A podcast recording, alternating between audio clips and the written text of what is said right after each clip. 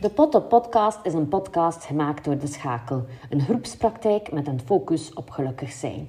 Vandaag is Us Knops te gast. Us werkt als psychiater en psychotherapeut. Ze heeft een voorliefde voor kunst en cultuur en houdt van projecten die de brug slaan met een psychisch welzijn. In 2018 debuteerde ze met haar boek Casper, een rouwboek waarin ze de zoektocht naar haar vermiste broer beschrijft. Daarna ging de bal rollen en maakte ze een doos troostkaarten met de citaten uit haar boek. Ze schreef nog het boek Op afstand en nabij en ook het boek Een klein afscheid samen met Joris Hessels. Us is een veelgevraagde spreker. Je kan haar beluisteren op Zwijgen is geen optie en op Touché. Naast woorden draagt ze nog op een andere manier bij aan onze rouwcultuur. Ze ontwierp samen met Veronique Snijhaard een troostjuweel.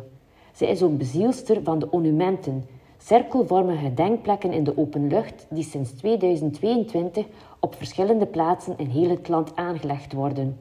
Maar eerst, wie is Us Knops nu echt?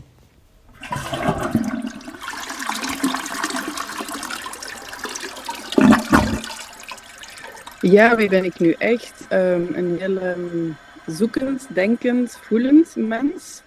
Um, en ik probeer alles wat er op mijn pad komt, uh, zoals daar zijn uh, kinderen en een gezin en vrienden, maar ook een broer die sterft of uh, patiënten die ik begeleid, zo goed mogelijk te, ja, te begrijpen en iets te doen alles wat ik daarbij voel. Um, en op die manier um, ja, wat betekenis geven aan mijn leven. Ja, maar het is met voelen, hoor ik. Ja, sowieso. Veel ja.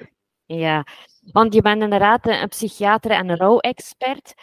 Voor, hoe komt dan echt de keuze om, om het, echt in die rouw te stappen? Dat is echt pas gekomen lang na het overlijden van mijn broer. Dus het is niet zo dat ik al van kindsbeen af interesse had in de dood of zo, daardoor gefascineerd was. Um, toen mijn broer is overleden, um, ben ik een rouwproces ingestapt, zoals uh, elke andere persoon dat zou doen. En vele jaren later had ik ook daarover uh, veel gevoeld en nagedacht en had ik mijn ideeën daarover. En vroeg een uitgever mij of ik dat eens op papier wou zetten. En daar is dan mijn eerste boek uitgekomen, Casper een rouwboek in 2018. En zo is de bal een beetje aan de rollen gegaan, werden er door journalisten en door andere mensen zo nog meer vragen gesteld en ben ik eigenlijk nog dieper die materie ingedoken. Uh, en ja, om het thema dan opnieuw te benoemen, verder blijven zoeken en voelen en uh, nadenken um, over rouw. Um, en dan geleidelijk aan heb ik beslist, ja, als ik daar zoveel mee bezig ben, dan kan ik daar misschien ook wel meer over vertellen of ook meer mensen mee helpen. Um, en zo is dat dan geleidelijk aan eigenlijk meer en meer een focus geworden, professioneel. -hmm. Want ja, het is letterlijk en figuurlijk een zeer gevoelig thema. Iedereen komt ermee in contact, maar het blijkt toch wel zeer moeilijk om, om als mens daarmee om te gaan. Hoe denk jij dat dat komt? Rouwen is moeilijk, is super heftig, is super pijnlijk en is ook super persoonlijk. Dus we hebben niet echt um, heel veel handvaten uh, om, um, waar, die we kunnen gebruiken om daarmee om te gaan. En we voelen ook een hele grote machteloosheid. Dus in dat overspoelende um, ja, voelen we ons klein en machteloos. Uh, en hebben we behoefte aan meer duidelijkheid om te weten wat er op ons af zal komen. En die kennis die is ook veranderd in de loop van de jaren. Dus soms grijpen we dan terug naar oude kennis, zoals bijvoorbeeld de vijf fases van uh, Elisabeth Kubler-Ross. Maar dan merken veel mensen van dat klopt voor mij niet, wat dat vaak zo nog net extra tot paniek leidt. Want oei, ben je dan pathologisch aan het rouwen en dan doe je het dan misschien niet goed. Um, en om daar een steentje in bij te dragen, um, vind ik het belangrijk om informatie te verspreiden, om mensen te informeren over wat is het eigenlijk rouwen, waar kan je aan verwachten en wat is allemaal wel normaal. Want er zijn wel een aantal universele aspecten aan rouw, die, hoe persoonlijk het ook is, toch wel uh, bij iedereen een beetje voorkomen. Um, maar anderzijds, dat hele persoonlijke stuk, daar heb je ook wel mogelijkheden om het op je eigen manier in te vullen. Als je net iemand bent die heel graag wil nadenken of lezen, of misschien wil je net um, veel lotgenotencontact hebben, of misschien ben je helemaal niet zo in te woorden en wil je met je handen aan de slag. Daar zijn ook heel wat uh, persoonlijke invullingen mogelijk. En dus behalve de informatie over rouw, vind ik het ook belangrijk dat mensen inspiratie krijgen over hoe ze dat dan ook heel persoonlijk kunnen aanpakken. -hmm. Want het, het, blijft toch heel moeilijk om van mens tot mens over rouw te praten, heb ik het gevoel. Dan, dan zoeken we inderdaad meer naar informatie waar dan we het kunnen treffen, dan dat we bijvoorbeeld met onze buurvrouw over rouw zouden praten. Ja, ik zie natuurlijk intussen ook heel veel mooie dingen gebeuren. Hè, want mijn focus ligt daar, dus ik zie ook het mooie dat er gebeurt. Er is zeker wel iets aan het veranderen in onze rouwcultuur. Um, er zijn zeker hele mooie mogelijkheden om wel in gesprek te gaan. En ik denk dat het daar belangrijk is dat ook troosters weten dat ehm, daar waar we nu weten dat rouw een uniek proces is, dat we ook als trooster weten dat troost ook uniek is. Dus dat we als trooster niet op de hoogte kunnen zijn van die ene helpende one-liner of van, oh ja, wat moet ik ook alweer doen om nu goed te troosten? Ook daar is onduidelijkheid, vraagsteken um, en dat mag er zijn. En dan kan het helpen om gewoon de twee magische woorden te gebruiken, vertel eens. En als je op die manier met een rouwende in gesprek kunt gaan, dan kan die rouwende persoon vertellen wat hij op dat moment wil vertellen, hoe het die dag gaat, of um, ja, wat hij graag wil vertellen over degene die overleden is, welke herinneringen um, dat heel belangrijk zijn, op welke momenten dat hij um, hem of haar vooral zal missen. Dus eigenlijk in die stilte, in dat vraagteken, in een open houding om te luisteren, daar kunnen we als trooster al heel veel betekenen. Mhm, dat denk ik ook. Um, in een artikel las ik iets dat je zo ook het link met het bankje van het leven maakt. Kan je daar iets meer over vertellen? Ja, klopt. We willen als trooster graag heel veel doen. We hebben zo'n hulpverlenersreflex en we, we, benadrukken snel van kom op en je kunt het wel en what doesn't kill you makes you uh, stronger. En sta maar weer recht en pak het leven vast. Maar dat is net niet hetgene wat uh, mensen in nood vaak nodig hebben. Um, en als je dat dan voorstelt als een bankje langs de weg van het leven, het levenspad. Iemand die in nood is, die kan eventjes niet meer verder en die zet zich op dat bankje en die gaat niet meer vooruit. Wat niet helpend is, is iemand die daar dan voor gaat staan en trekt en sleurt en zegt, kom, sta recht, hè. Um, doe maar weer voort. Um, veel helpender is het als zo iemand naast zo iemand op een bankje gaat zitten. En dat je even mee zucht en erkenning geeft. Want erkenning is zo cruciaal, is zo waardevol. Erkenning geeft door te zeggen, het is echt vreselijk wat je nu doormaakt. Wat is dat nu dat net hij of zij moet sterven, bijvoorbeeld, hè, of een andere noodsituatie. En daar erkenning voor krijgen en daarin samen eventjes in, die, ja, in dat lastige gevoel kunnen zijn, dat is heel erg helpend voor mensen. En in onze snelle uh, quick fix maatschappij slaan we die stap vaak wel eens over. Ja, ik denk dat er soms zo een termijn op zit. Uh, ik had, maar het is al jaren geleden, dat iemand zei van vroeger waren mensen uh, in zwart gekleed en dan zo, ik weet nu niet meer, veertien dagen of zo, dat ze echt mochten in de rouw zijn.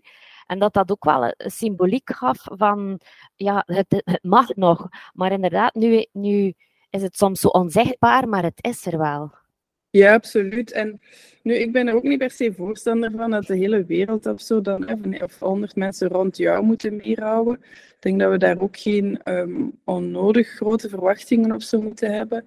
Um, ik gun mensen in rouw dat ze een handvol mensen rond zich hebben uh, die hen daarin kunnen bijstaan en weten dat het uiteraard langer duurt dan een paar dagen of twee weken of zelfs een jaar. Hè. Het wordt ook wel eens zo benoemd. Hè. Het mag verjaren, alles één keer meemaken en dan moet het weer beter gaan. Um, ja, zorg ervoor dat je een handvol mensen rond je hebt die mee zijn in het verhaal en die heel goed doorhebben dat dat veel langer duurt en dat je weet dat je bij hen terecht kunt. Maar we moeten dat ook niet verwachten van ja, zomaar iedereen, dat die op elk moment voor ons klaarstaan, uh, ook vijf jaar later.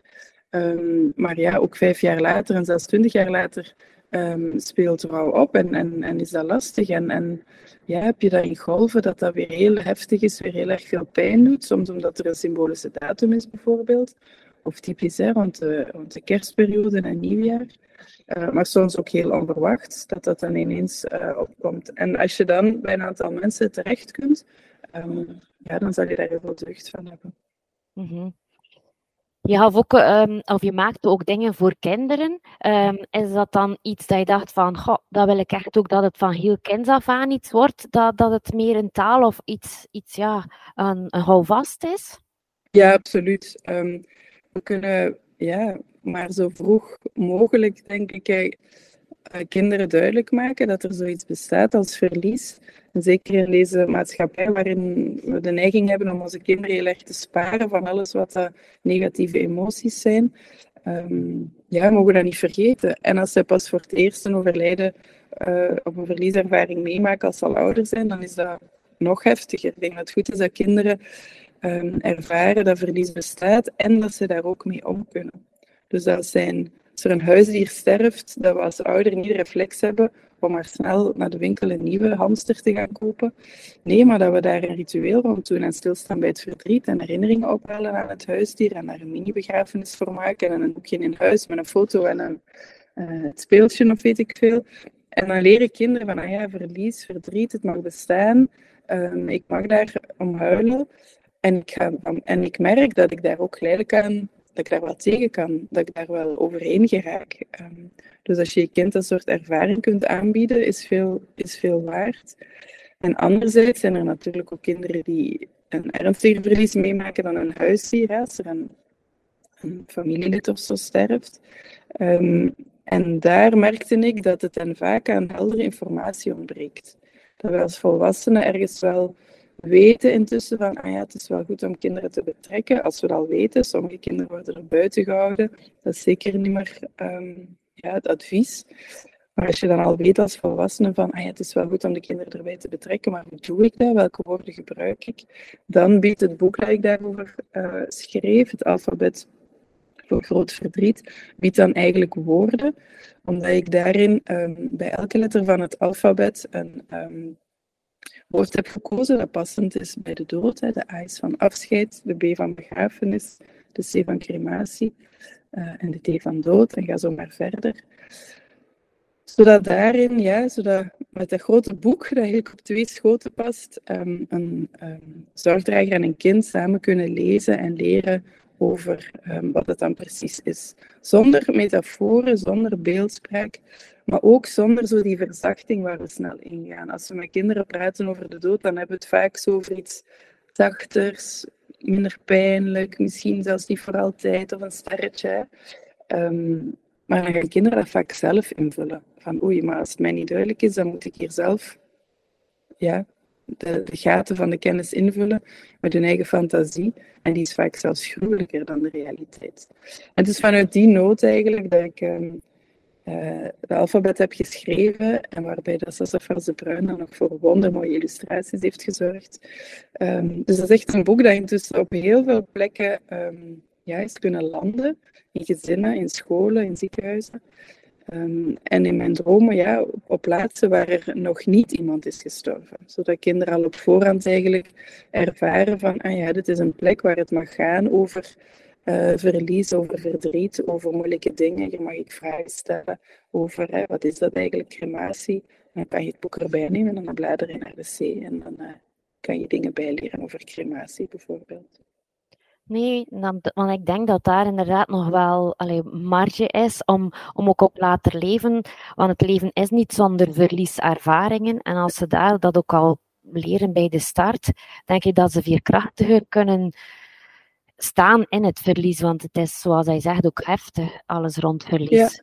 Ja, absoluut. Het geeft de, de, kinderen informatie en het geeft de volwassenen, die dan meestal ook in een emotionele periode zitten, ook een beetje een houvast om er dan samen over te praten. En wat ik ook heel vaak hoor van volwassenen die toen ze zelf kind waren een verlieservaring hebben meegemaakt, een verlieservaring die toen op kindniveau genegeerd is geweest, die nu zeggen, het kind in mij niet alleen het, kind in mij, maar dat rouwende kind in mij van toen, dat wordt nu zo gevoed en zo gesoigneerd als ik zelf um, in dit boek lees. Dus dat is ook wel een, um, ja, een hele mooie betekenis die het boek dan krijgt, of een functie die het boek dan krijgt. Ja, zeker. Um, want je bent niet stil blijven staan bij echt wel de, de, de rouwprocessen, maar eigenlijk heb je ook de vertaling gedaan naar, naar rouw en verdriet met mensen die nog in leven zijn. En dat vond ik ook heel, heel speciaal om over te lezen, want ik denk dat daar mensen nog veel minder over kennis hebben dat je kan rouwen over iemand die in leven is. Ja, klopt. Daar wilde we inderdaad ook aandacht aan besteden. Um, en erkenning voor, vragen en erkenning voor geven. Ehm, en ook daar hebben we dan een boek over gemaakt. Hè. Een klein afscheid, um, over afscheid nemen van mensen die er wel nog zijn. En daarin is Joris Hessels in gesprek gegaan met een heleboel mensen, specifiek over dat thema. Um, en ik heb daar dan een nabeschouwing bij geschreven. En wat bedoelen we daar dan mee? Wel, in ons leven nemen we vaak afscheid. Ook al is het niet afscheid hè, dat met de dood te maken heeft. Uh, en dat is normaal en dat moet niet altijd heftig zijn, maar dat kan ook wel heftig zijn. Denk bijvoorbeeld als je partner um, dement wordt, dan is dat al een vorm van afscheid. Want hij is niet meer degene, of zij is niet meer degene um, ja, wie je verliefd bent geworden, met wie je getrouwd bent. Dat is een persoon in verandering. Of ook vriendschapsverlies kan heel heftig zijn voor mensen. Echt, um, waar mensen heel lang van afzien en over piekeren en mee bezig zijn. Maar dat zijn voorbeelden van situaties waar we um, vaak op ons eentje mee blijven zitten. Wat dan moeilijk is om daar een gesprek over te hebben met anderen, omdat we ja, op onbegrip denken te stuiten. Dus met dat boek willen we eigenlijk aandacht geven aan dat kleine afscheid. Klein als in niet met de dood te maken en het grote afscheid is dan het afscheid met de dood. Maar het kleine afscheid kan ook heel groot voelen. -hmm. En denk je dat dat net daar is, dat, doordat mensen dat niet erkennen als een soort ook een, een verlieservaring, dat er ook weinig waarde aan gehecht wordt? Of, of oh ja, het is niet zo erg, of ga maar vooruit, of ander en beter of zo? Ja, er is weinig erkenning voor, er wordt weinig over gesproken. Maar die erkenning begint natuurlijk bij jezelf. Het is belangrijk dat je eerst voor jezelf erkent van, dit is inderdaad ook wel eigenlijk heftig, ik ben hier heel veel mee bezig. En het kan me wel deugden om daar hier en daar eens over te praten met andere mensen. Um, en het is, ja, we kunnen het ook al een soort van oefening zien, hè, in praten over verlies. Um, dat nog niet met de dood te maken heeft. Maar ook in leren dat niet alles op te lossen is. Zeker als het gaat over vriendschapsverlies, dan hebben we als um, luisteraar of gesprekspartner ook daar snel de neiging om in oplossingen te praten en te relativeren. Oh, je hebt nog altijd andere vrienden en nog wie weet komt er nog wel goed. En zo gaan we eigenlijk aan de echte pijn voorbij. Mm. Dus het is eigenlijk vooral naast iemand zitten en luisteren, als ik het zo hoor, alles rond verdriet. Ja, ja. Die erkenning is echt een cruciale eerste stap. Als er geen erkenning is voor het verdriet, ook van, van jezelf, hè, als je het eh, voor jezelf niet erkent. Um, denk bijvoorbeeld um, aan een, een, doodgeboren kindje. Sommigen gaan het dan misschien ook voor zichzelf niet erkennen dat dat ook heftig is. Of iemand die sterft op hele hoge leeftijd, je oma van 110 jaar ja, als je ook zelf redeneert, god, ja, het is al oud, en dan ga je die erkenning al helemaal niet van je omgeving krijgen. Dus de erkenning bij jezelf is de eerste stap. En dan de sociale erkenning van de mensen rond je. En dat is echt het begin voor, um, ja, om verdere stappen te kunnen zetten in je rouwproces of in je verdriet. Want ook daar, hè, daar wil ik misschien wel eventjes de nuance maken, niet elk verlies leidt tot een rouwproces. Ik denk ook dat we moeten oppassen dat we die term ook weer niet voor van alles en nog wat gaan gebruiken. Um, soms volstaat het ook om te zeggen, ik ben hier heel erg verdrietig om. En mogen het uh, concept van verdriet ook herwaarderen. Um, en ook erkenning vragen voor verdriet. Want rouw gaat toch over een ander soort van intensiteit dan. Nee, en dat, daar zeg je zoiets. Hè. Ik denk dat er inderdaad er een verwarring tussen staat en dat het goed is dat er dan duidelijke informatie komt en dat we ook mogen verdrietig zijn zonder dat er ook iets meer aan, aan te pas komt. Ja, ja absoluut. Ja, de herwaardering van verdriet is echt iets waar ik voor wil ijveren. Um, en dat als je aan je vriendenkring zegt, ik ben verdrietig, dat dat ook niet genegeerd wordt en dat daar ook aandacht voor is. Dat het niet pas is als je zegt ik ben echt in de rouw, dat dan pas mensen gaan zeggen, ah ja, oei, dan moeten we nu gaan troosten. Mm Nu, we hadden het daar net al over jouw broer en dan pas later het boek. Is dat dan wel iets dat je denkt van, zonder mijn broer zou ik deze weg niet ingeslaan hebben? Ja, echt waar. Gek, hè? Ja. Ja, dat is echt iets wat ik mij maar zo later heb gerealiseerd. Um, en dat is iets wat veel mensen wel merken zo'n verlieservaring, dat het, um, ja, dat, dat een, een, een, invloed heeft. Uiteraard heeft een verlieservaring invloed op je leven. Um, niet, niet, alleen op de man, uh, niet alleen in de manier waarop je iets doet, maar ook in wat dat je doet. En voor mij is dat dus inderdaad wel die professionele bocht. Ja, het is niet een hele grote bocht. Hè. Ik was um, daarvoor als psychiater aan het werk en mensen met angst- en stemmingstoornissen aan het. Dus het leunt er wel tegenaan natuurlijk. Maar die focus op rouw en dan ook de, um, die behoefte om daar de, ja, mensen over te informeren, dat is echt gekomen op het overlijden van mijn broer. En als je nu al de kennis hebt verzameld, zou je zeggen van, goh, ik zou het anders aangepakt hebben voor mezelf, of ik ging anders uh, het thema vastgenomen hebben? Nee. Nee, ik heb dat echt heel um, intuïtief gedaan. Ik stond toen volop in het leven. Hè. Ik was uh, aan het studeren. Um, en achteraf bekeken heb ik gedaan wat dat zo volgens het duaal procesmodel um, een beetje wordt geadviseerd, hè, waarin dat je heen en weer beweegt tussen um, verliesgericht bezig zijn enerzijds en herstelgericht bezig zijn anderzijds. Je kunt dat zien in het beeld van een bootje op een rivier met twee oevers, de verliesgerichte oever en de herstelgerichte oever. En dat wij als rouwende daartussen varen. En de ene keer zijn we bezig met het verlies, en de andere keer zijn we bezig met het herstellen, met het leven. En ik heb dat als student niet anders gedaan. Ik ben ook heen en weer, ik heb heen en weer bewogen. Ik heb zeker ook die hersteloever um, bezocht en daar aangemeerd, want ik had ook het gevoel, ja, mijn broer is leven ontnomen. Ik heb het wel nog, dus ik ga het hier uh, echt zeker wel vastpakken en dingen doen. Maar er zijn ook momenten dat ik aanmeerde op die verliesoever en alleen maar daarmee kon bezig zijn.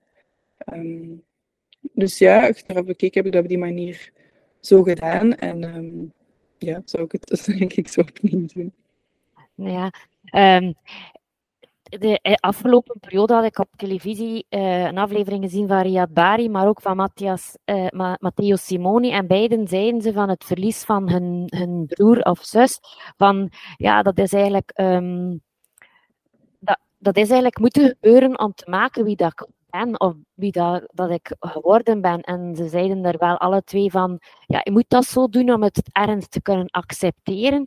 Maar er, ze zeiden van, we krijgen daar wel heel veel commentaar op, dat we dat eigenlijk bijna als egoïstische daad zien. Is dat dan zo? Of is dat inderdaad het gewoon van tussen die oevers gaan en ergens de zin ervan van zoeken?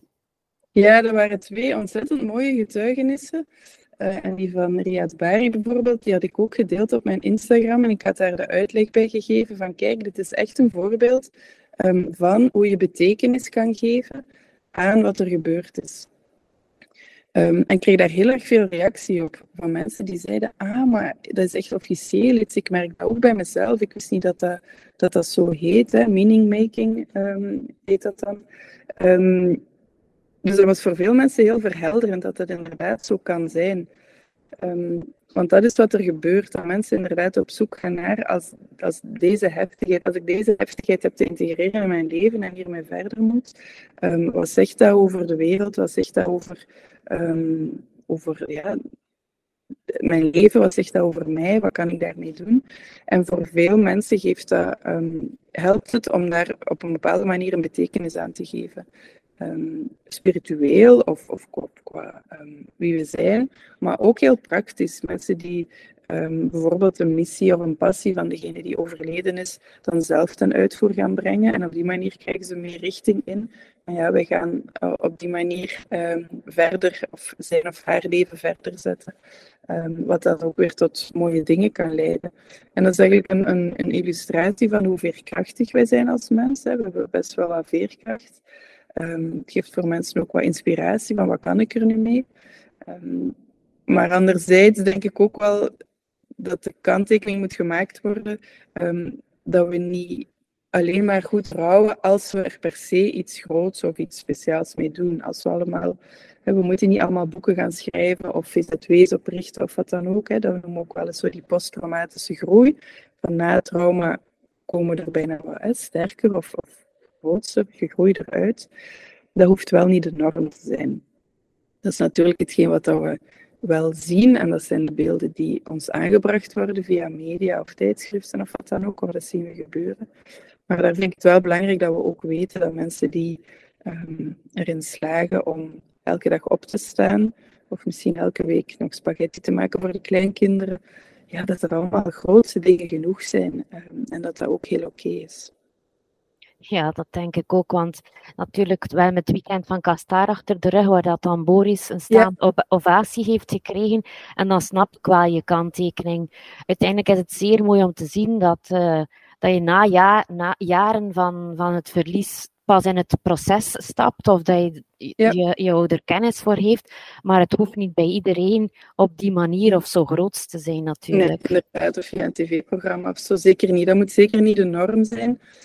Niet te min zijn dat soort televisieprogramma's, om het daar dan bijvoorbeeld over te hebben, um, wel, um, ja, dat betekent toch ook wel echt heel veel. Er komt ook de laatste jaren veel meer op. Um, die kijkcijfers, die prijzen die ze winnen, het is op verschillende fronten en er zijn nog dergelijke televisieprogramma's, zegt wel iets over onze veranderende rouwcultuur, waarin dat rouw niet meer onzichtbaar moet zijn. Nee, letterlijk, het wordt zichtbaar in televisieprogramma's. De getuigenissen nemen toe, de televisieprogramma's nemen toe. Het mag erover gaan. Um, en ik denk dat we daar in, in Vlaanderen wel trots mogen zijn op, op wat er allemaal aan het gebeuren is. Niet alleen op dat vlak, maar ook op vlak van um, ja, mooie voorwerpen, prachtige initiatieven om afscheid op een andere manier, op een esthetischere manier, op een duurzamere manier vorm te geven, vooral op een veel persoonlijkere manier. Um, of ook om, om, uh, lotgenoten bij elkaar te brengen. Er is wel heel wat aan bewegen, waarin dat mensen meer verbinding voelen met elkaar um, ja, via verschillende kanalen. En, en hoe, was het, wat is de, allez, hoe komt dat dat dat plots zo wel nu de, de, de, openheid krijgt? Of, of zeg je van ik kan daar niet echt de vinger op leggen dat dat nu uh, zijn platform Nee, ik denk dat dat echt voor is voor sociologen die echt zoveel meer die maatschappelijke dynamieken kunnen observeren, onderzoeken en benoemen. Um, ja, in België lijkt het mij een, een, een samenspel van factoren van um, ja, mensen die daarmee bezig zijn en elkaar daarin versterken en dan ja, wat media-aandacht en dan voelt nog iemand zich daarin gesterkt van ik ga het ook zo doen. Um, dus eerder zo'n beetje een sneeuwbaleffect, denk ik. Um, waarin dat we elkaar aanmoedigen om ruimte te maken voor, voor rouw en voor uh, troost. Ja, helemaal mee eens. Je, je haalde het ook al kort aan, zo van uh, die, die tastbare dingen. Zelf ben je ook wel uh, aan de slag gegaan met het, het, het rouwjuweel, um, samen met Veronique Seinhaven, denk ik. Nee, uh, ja. Nou ja, ja juist. Um, is dat dan ook zoiets dat je denkt van, ook daar kan ik mijn steentje bijdragen om, om alle vormen van wat kan helpend zijn zichtbaar te maken? Ja, absoluut. Ik ben zelf nogal woordelijk. en ik grijp snel naar boeken en woorden, maar uh, andere mensen doen dat op andere manieren. Uh, en ik hou ook wel van kruisbestuiving. Ik ben altijd wel graag bezig geweest, ook met, um, tijdens mijn opleiding geneeskunde, ook met kunst en cultuur en dergelijke. Dus die combinatie die in mijn hoofd gaat daar redelijk vanzelf. Um, en dus heb ik inderdaad bijvoorbeeld uh, samen met Veronique Snijert een troostjuweel ontworpen, waarin dat we graag we willen dat als mensen het roostjuweel aan hebben, dat ze uiteraard via dat roostjuweel de verbinding voelen met de overledene. Wat dat echt zo is. Als ik het zelf draag, voel ik dat ook echt. Dat is zo'n heel tactiel voorwerp. Ik hou dat vast, ik draai daar rond en dan ben ik echt in mijn hoofd ja, veel dichter bij Casper. Maar dat het ook een boodschap is naar de omgeving van kijk, um, ik heb dit juweel aan. Dat wil zeggen dat ik het wel fijn vind om het te hebben over mijn verdriet of om herinneringen op te halen. Um, een juweel dat je waarvan je ook kunt kiezen om het niet aan te doen. Omdat je ook niet altijd de rouwende wil zijn, of de weduwe wil zijn, of het wil hebben over je verdriet. Soms wil je het er ook wel eens niet over hebben. En dan doe je op die receptie een keer niet het juweel aan, bijvoorbeeld. Um, ik heb bijvoorbeeld ook samen met uh, Wabi Mento een uh, zeepje uh, gemaakt, echt heel mooi verpakt met een droog bloemetje erbij op een mooi zacht vilte doekje. En daarbij zit dan een gedicht waarin dat ik rouw of verdriet vergelijk met zeep. Um, want zeep heeft uh, aanraking nodig en water nodig. Hè. En in rouw zijn dat dan de aanrakingen van mensen en onze tranen. En op die manier verandert de vorm van zeep. Op die manier verandert ook onze vorm van rouw en ehm, helpt ons dat. Dus ja, dat zijn manieren om mensen te troosten of om een boodschap uit te dragen en op die manier ook troost te krijgen. Um, ja, dat vind ik belangrijk om zo ook inderdaad mijn steentje bij te dragen. Nee, was dat al iets van kind af aan dat je zegt van dat had ik wel al dat ik al mijn kennis wou delen met, de, met wie dat wilde naar me luisteren? Um, dat kennis delen minder, maar wel altijd zo die, uh, die linken met, met kunst en cultuur. Dat heb ik altijd wel gehad. Ja, want eigenlijk ben je nog met, met veel grotere dingen in kunst uh, bezig geweest. Als ik zie wat dat je daar die, um, wacht hoor, de monumenten, denk ik. Ja, dus ja. je moet denken aan het woord monument, dat kennen we allemaal, maar de eerste letter M moet je laten wegvallen. Dus het zijn inderdaad de monumenten. Ja, absoluut, dat is daar ook zeker een voorbeeld van, van uh, hoe ik daar die passie ook kan combineren. Um, ja, op een bepaald moment, en dat was tijdens uh, de pandemie, hadden we met een aantal uh, gelijkgestemde zielen het ja, inzicht van ja, we, we hebben, het gaat hier de hele tijd over afstand, maar wat dat wij nodig hebben in, in zo'n pandemie waarin dat iedereen iets of iemand is verloren, is nabijheid. En we hebben plekken nodig waar we kunnen samenkomen. Maar eigenlijk in onze maatschappij zijn er niet meer zoveel van die plekken. En zo zijn we dan aan het denken en aan het zoeken uh, gegaan en aan het voelen. En zo kwam ik eigenlijk zelf in mijn zoektocht altijd uit op het uh, monument in het Zoniewoud, dat gemaakt is voor de slachtoffers van de uh, terroristische aanvallen in Brussel en Zaventem, um, of Zaventem en Maalbeek. En dan heb ik die architect Pas Smits aangeschreven om te vragen van ja, er was toen een aanslag, maar eigenlijk is corona ook een aanslag op het hele land, de hele wereld, maar bon, laten we zeggen op het hele land, zouden we daar ook niets voor maken.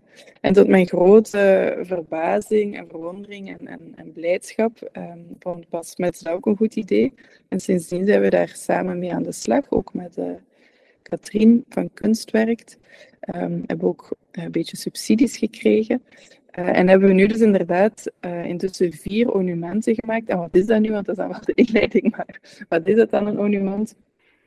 Dus je moet je dat voorstellen als een grote cirkelvormige uh, bank eigenlijk, een kunstwerk um, waar je ook op kunt zitten, in een hele specifieke betonmix. En die cirkelvorm is op de vier verschillende plaatsen telkens uh, onderbroken, omdat een overlijden of een heftig verlies de cadans van ons leven eigenlijk ook onderbreekt of ons ontwricht. Um, er is een monument in Kortrijk, in Gent, in Lommel en in Aarschot.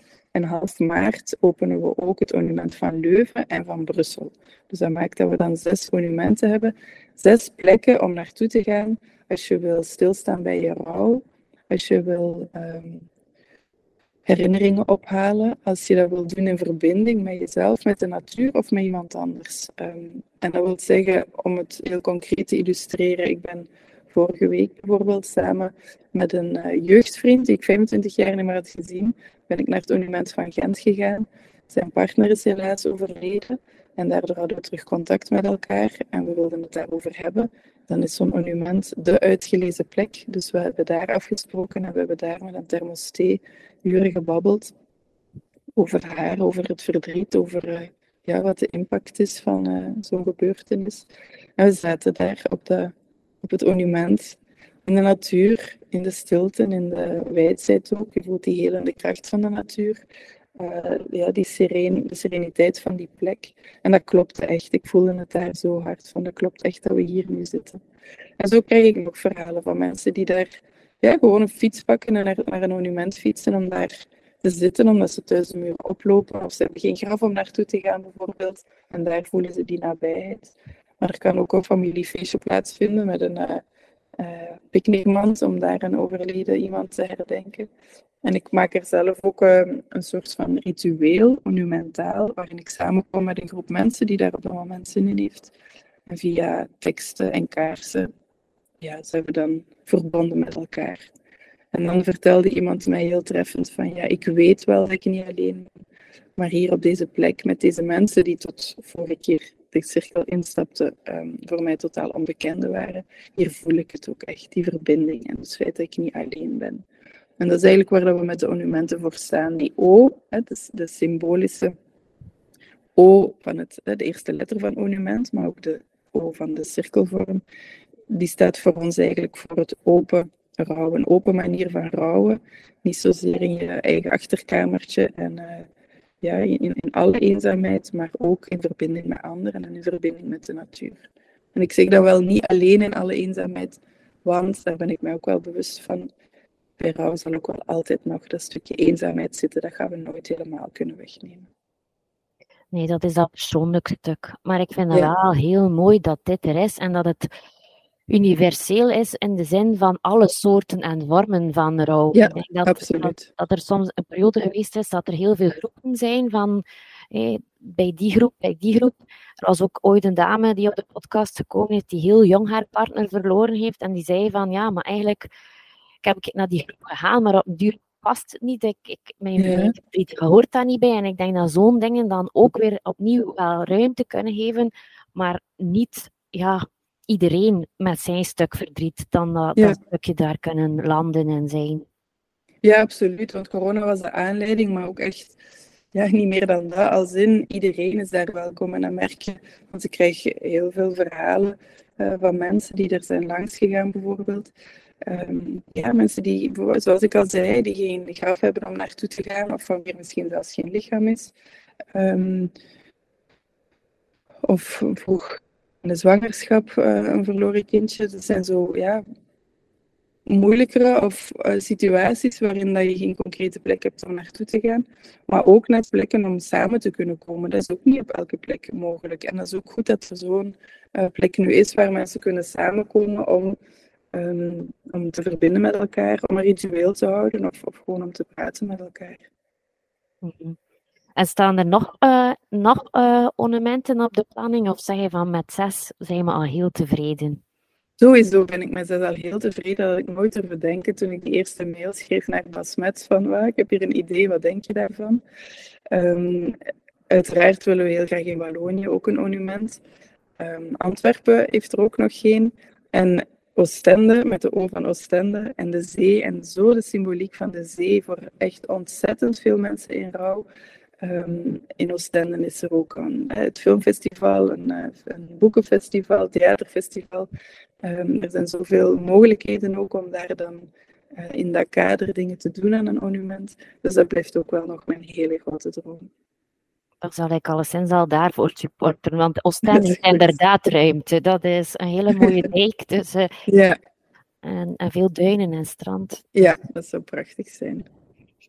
Um, zijn er nog dingen dat je zou durven meegeven van, kijk, doe dit absoluut niet met mensen in, in rouw of in verdriet? Goh, Misschien niet, want eigenlijk als ik denk aan wat dat mensen mij vertellen die uh, rouwen, is dat ze, en waar dat ze last van hebben, is vooral afwezigheid van bepaalde mensen. En niet zozeer iets wat dat iemand verkeerd heeft gezegd of gedaan. Mm dus als je zelf vanuit het idee, ah, ik, er was iets wat uh, ik in die podcast heb gehoord wat dat niet mag, maar wat is het ook alweer? Daar raken mensen soms op geblokkeerd van ik zal dat maar niks zeggen of ik zal dat maar niks doen. Dus ik zou eigenlijk het tegenovergestelde willen antwoorden van doe vooral wel wat dat goed voelt op dat moment. Um, wat dat jij denkt dat goed is. En die intentie om goed te willen doen, dat is wat dat overkomt. En als je dan per ongeluk de verkeerde woorden hebt gezegd of iets onhandig hebt gedaan, ik kan het je echt garanderen. Dat wordt vergeten en vergeven door mensen in rouw. Veel eer wordt er onthouden dat er iemand afwezig was. Dat er iemand nooit iets van zich heeft laten horen. Dat zijn veel pijnlijkere ervaringen en die gaan veel langer mee. Dat is wat ik echt vaak hoor als ik praat met mensen in rouw. Dus mijn oproep is daar vooral, ben niet te zenuwachtig bezig met wat dat niet mag en wat je niet mag zeggen en wat je niet mag doen. Maar volg daarin, ja, volg je hart en je intentie. En als je graag goed wil doen, um, dan zal die boodschap zeker overkomen. Mm -hmm. Daar geloof ik ook in. Mm -hmm. We zijn al bijna eind januari natuurlijk, maar uh, heb je zo nog plannen in 2024 die op je agenda staan? Um, ja, er komen twee boeken uit, dus die wil ik um, nog graag verder uitdragen. Eén uh, boek over vriendschapsverlies dat merkten we na het boek van uh, Een Klein Afscheid. En ook als ik op Instagram iets deelde over vriendschapsverlies, ik maakte het zelf ook mee, uh, daar kwam altijd heel veel reactie op en altijd heel erg open en ook met heel veel schaamte. Um, dus dat vonden we wel voer voor een, um, een boek. Zijn we nog vrienden, is de titel, over vriendschap en vriendschapsverlies enerzijds. En anderzijds um, ook een boek waar ik heel erg naar uitkijk, met de toch wel een mooie titel vind ik, Hoe zware dagen dragen. Mooi. Ja, en daarvoor ben ik uh, in gesprek gegaan met uh, tien mensen, tien experten in hun vak. Um, heel uiteenlopende vakgebieden en heb ik hen die vraag voorgelegd. Heb ik gevraagd van op welke manier kijkt jouw vakgebied naar zwaarte? En welk antwoord biedt jouw vakgebied daarop en hoe is dat voor jou persoonlijk? Zo ben ik in gesprek gegaan met um, onze minister Annelies Verlinde bijvoorbeeld, of uh, de muzikant Stef Bos, of de kunstenaar Berlinde de Bruikere, of de sportvrouw Anne Wouters, uh, of de psychiater Dirk de Wachter. En dus op heel veel verschillende fronten hebben we ingezoomd op zwaarte en zijn we met elkaar daarover in gesprek gegaan. En dat heeft ontzettend veel uh, moois opgeleverd, veel inzichten. Um, maar ook heel erg het gevoel van laat ons dat soort gesprekken ook uh, met, met elkaar voeren. Want wij zijn al bij al, allemaal experten, niet per se in een of ander vak, maar ook wel gewoon, we zijn expert in ons eigen leven. En als we ook daarin die openheid kunnen hebben, hè, waar ik net al een beetje naar refereerde, van als je praat met iemand in rouw, zeg dan vertel eens. Um, maar ook iemand die niet rouw, of iemand die niet in rouw is, beleeft zware dagen. Ook daar kun je vragen van, hoe doe je dat dan, je zware dagen dragen? En laat ons uh, het ook daar eens samen over hebben. Dus ja, dat zal uh, in komende maanden met veel plezier uh, mee bepalen. En beide boeken zullen dan opnieuw op je mooie website verschijnen? Ja, absoluut. Dankjewel. Ja, zeker. Ja. Want ik vind het, voor toch de luisteraars te zijn, een hele fijne website om inderdaad wie eh, op zoek is eh, rond verdriet en wat daar rond troosten, wat je daar rond kan doen, vind, vind je daar inderdaad wel hele mooie dingen. Ja, fijn, dankjewel. Ja, dat is uh, inderdaad een manier om de mensen ook te bereiken. En uh, ja, boeken zijn altijd mooi als cadeau voor jezelf of voor anderen, zeker wel. Mm -hmm. We komen aan het einde van de podcast en mijn podcast heet De Potop en ik vraag aan iedereen tegen wat zou je eens willen de Potop zeggen? Wel, ik zou eens heel graag de potop willen zeggen aan al mijn um, kennis over um, de ecologische voetafdruk, uh, aan al mijn kennis over schoolplicht, aan al mijn financiële kennis. En dat zou ik heel graag met mijn gezin um, ongeremd en ongelimiteerd op wereldreis willen uh, en het vliegtuig nemen uh, en, aan de, en aan de piloot willen vragen om ons op de mooiste uh, natuurplekken ter wereld um, af te zetten, zodat we dat daar allemaal kunnen beleven en meemaken zonder enige remming. Dat zou mooi zijn. Ja. Echt een grote droom. Maar we moeten blijven dromen, zeggen ze ja, altijd. Van, dan komt er een stukje realiteit uh, misschien wel aan te pas. Ja. Dat zal een via documentaire zijn van de zetel, denk ik. Het is een stapje, een stapje in de deur. Ja. Mijn praktijk heet zelf de schakel en ik probeer alle gasten aan elkaar te schakelen. En ik heb zo een, een vraag gevraagd aan mijn vorige gast voor jou. En die vraag was, ontwikkel jij, kom jij terug tot jezelf? Stel dat je overprikkeld bent, van hoe kom je dan terug naar jezelf? Um, ik ben er wel een uh, bezige bij. Uh, dus echt stilvallen en niks doen is voor mij niet ontprikkelend. Uh, wandelen vind ik echt, dat is de klassieker, maar dat is niet voor niks een klassieker. Dat helpt mij enorm. liefst in de natuur, gewoon hier de, de voordeur toetrekken en gaan wandelen vind ik heel erg helpend. En ik hang graag de was op.